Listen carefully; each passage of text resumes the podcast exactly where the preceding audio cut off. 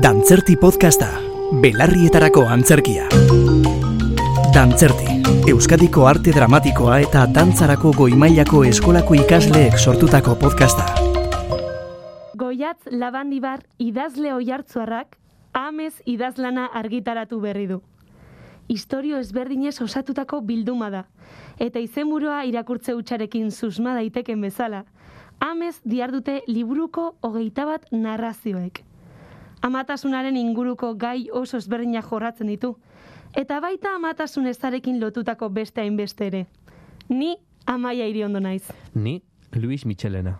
Eta gaurkoan, amez idazlana irakurri gai izango ez dugun arren, goiatz labandioaren beste liburu bateko pieza bat egokitu dugu. Fotogramak izeneko historio sortakoa, hain zuzen ere. Besterik gabe, zuek guztiokin, Ez galdetu deus.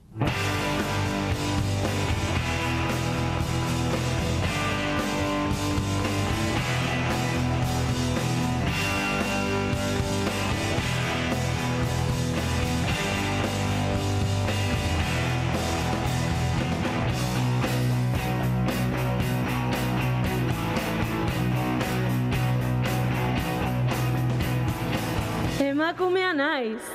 Beti egingo dut bizitzaren alde. Eta jaio ez ziren milioika emakumei jasotakoa kontatzeran ator gaurkoan.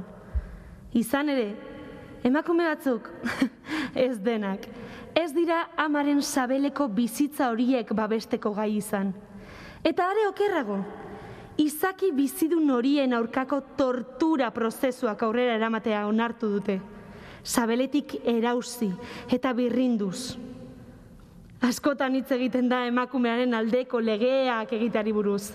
Baina horretarako, eman diezaiogun ezeren aurretik bizitzeko eskubidea. Jaiotzeko aukera. Probizitza garen emakume asko gara munduan. Eta inongo gezur edo ideologiak ez gaitu izilaraziko. Baldintza batekin erantziko naiz. Zein baldintza. Ez galdetu deus.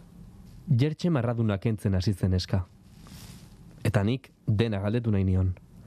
Nola iritsi zen nire bulegora, nork eman zion nire helbidea, noren alaba neskalaguna biloba zen, noiztik zegoen edo noiztik zekien, norekin.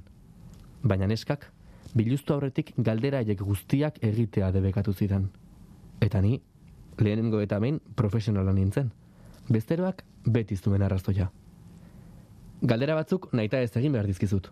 Adibidez, Noiz izan zen nuen hilekoa azkenekoz. duela hi- hiru hilabete. Ados. Besterik, Ez. Gehienez ere, hiru hilabete zegoen aurdun beraz.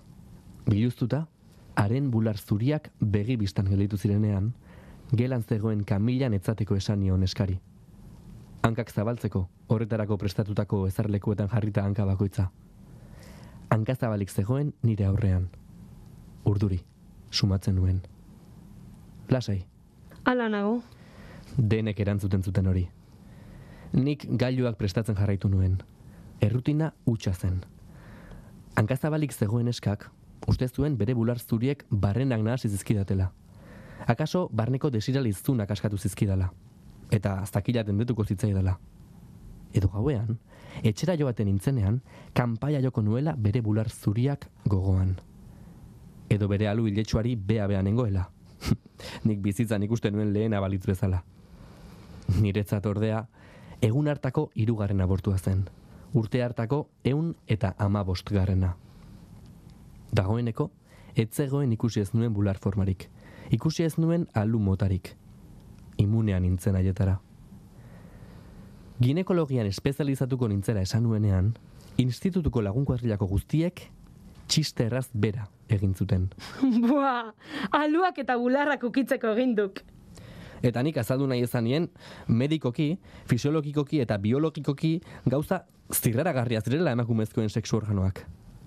Baina inork ez ninduen sinetxi. Eta azkenean, ba, ez nuen azalpen gehiago eman. En nuen sekula playboyrik ikusi. Eta orain, nire aurrean hankazabalik zegoen eskark, minutu gutxi batzuk lehenago egindako eskaerak alderantzikatuan induen. Minutu gutxi batzuk izango dira. Prozedura simplea da. Hiru hilabete baino gutxiago kaurdunaldi bat, etetea, ba, ez da komplikatua. Bizimodu normala egin ahal izango duzu. Noizbait seme alabak izan nahi badituzu, ez duzu inongo arazorik izango. Toki, onera. Ekarri zaituzte. Ados. Eskerrik asko. Eman eskerrak diruari. Ordaindu duenari. Pentsatu nuenik. Baina, enion esan. Haren bizimodua imaginatu nahi izan nuen. Hogeita lau bat urte izango zituen. Asko jota. Nire kontsulta maldima zegoen, dirua zuenaren seinale. Bere familiak edo aurdun utzi zuenaren familiak. Ziurrenik, unibertsitatean hariko zen ikasten. Nire kontsultatik egunero pasatzen ziren hiru emakumetako bik erradiografia horri erantzuten zioten. Gaztea. Unibertsitarioa. Diruduna. Eta abortuaren kontra dagoen politikari kontserbadore baten alaba. Ziur. Hori, irutatik irutan izaten zen. Abortua legez kanpokoa zen estatu batuetako, ia estatu guztietan. Politikariak ados zeuden horretan, baina urtero milaka emakumek abortatzen zuten. Gehienek, ez zuten profesional baten kontsultara etortzeko aukerarik. Eta haien ugalkortasuna, osasuna eta bizitza arriskuan jartzen zituzten. Nire pazienteek ez. Nire pazienteek baldintzarik onenetan abortatzeko aukera zuten. Diruz hornitzen induten pazienteen senideek.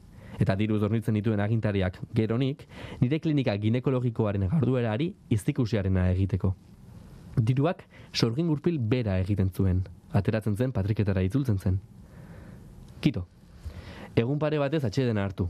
Mesede egingo dizu. Hortik aurrera bizimundu normala egiten hasi zaitezke. Ez zaude gaixo. Eta alasai.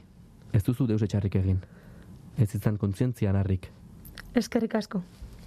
Neskak jertxe marraduna nola jantzen zuen ikusi nuen. Lasaiago sumatzen nuen kamilatik jeitsi zenetik.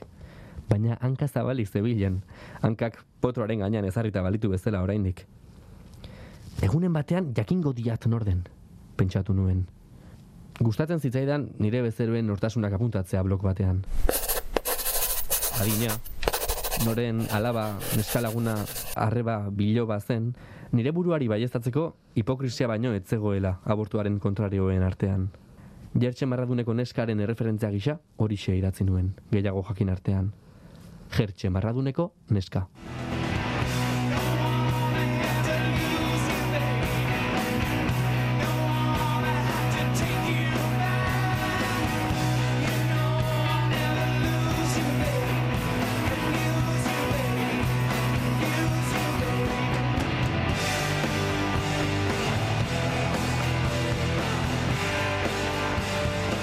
Mila bederatzireun da irurogeita mairuko urtarrilaren hogeita bian, telebista piztu nuen. Erretiroa hartu nuen egun hartan. Eta urte askoan lehen biziko aldiz, urrengo egunean aborturik egingo ez nuela jakinda eseri nintzen egon gelan. Momentu hartan jakin nuen, estatu batuetako auzitegi gorenak abortua onartu zuela. Fetua umek tokitik kanpo bizitzeko gai den arte. Abortatzea zilegi ez ezik legezkoa izango da.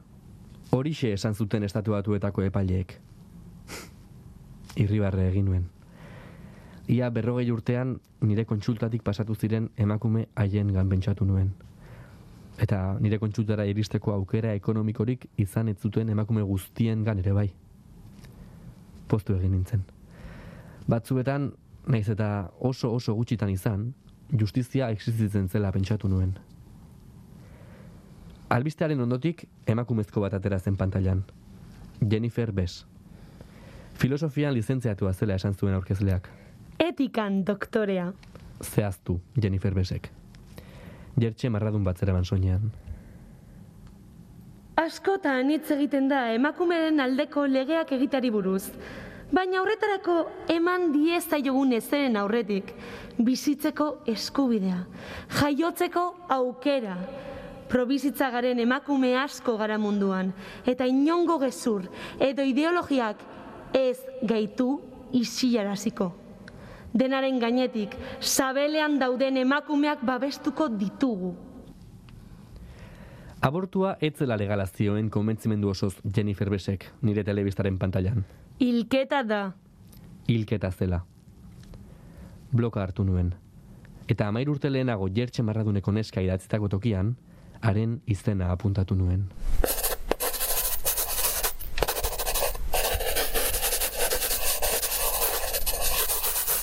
Jennifer Bess.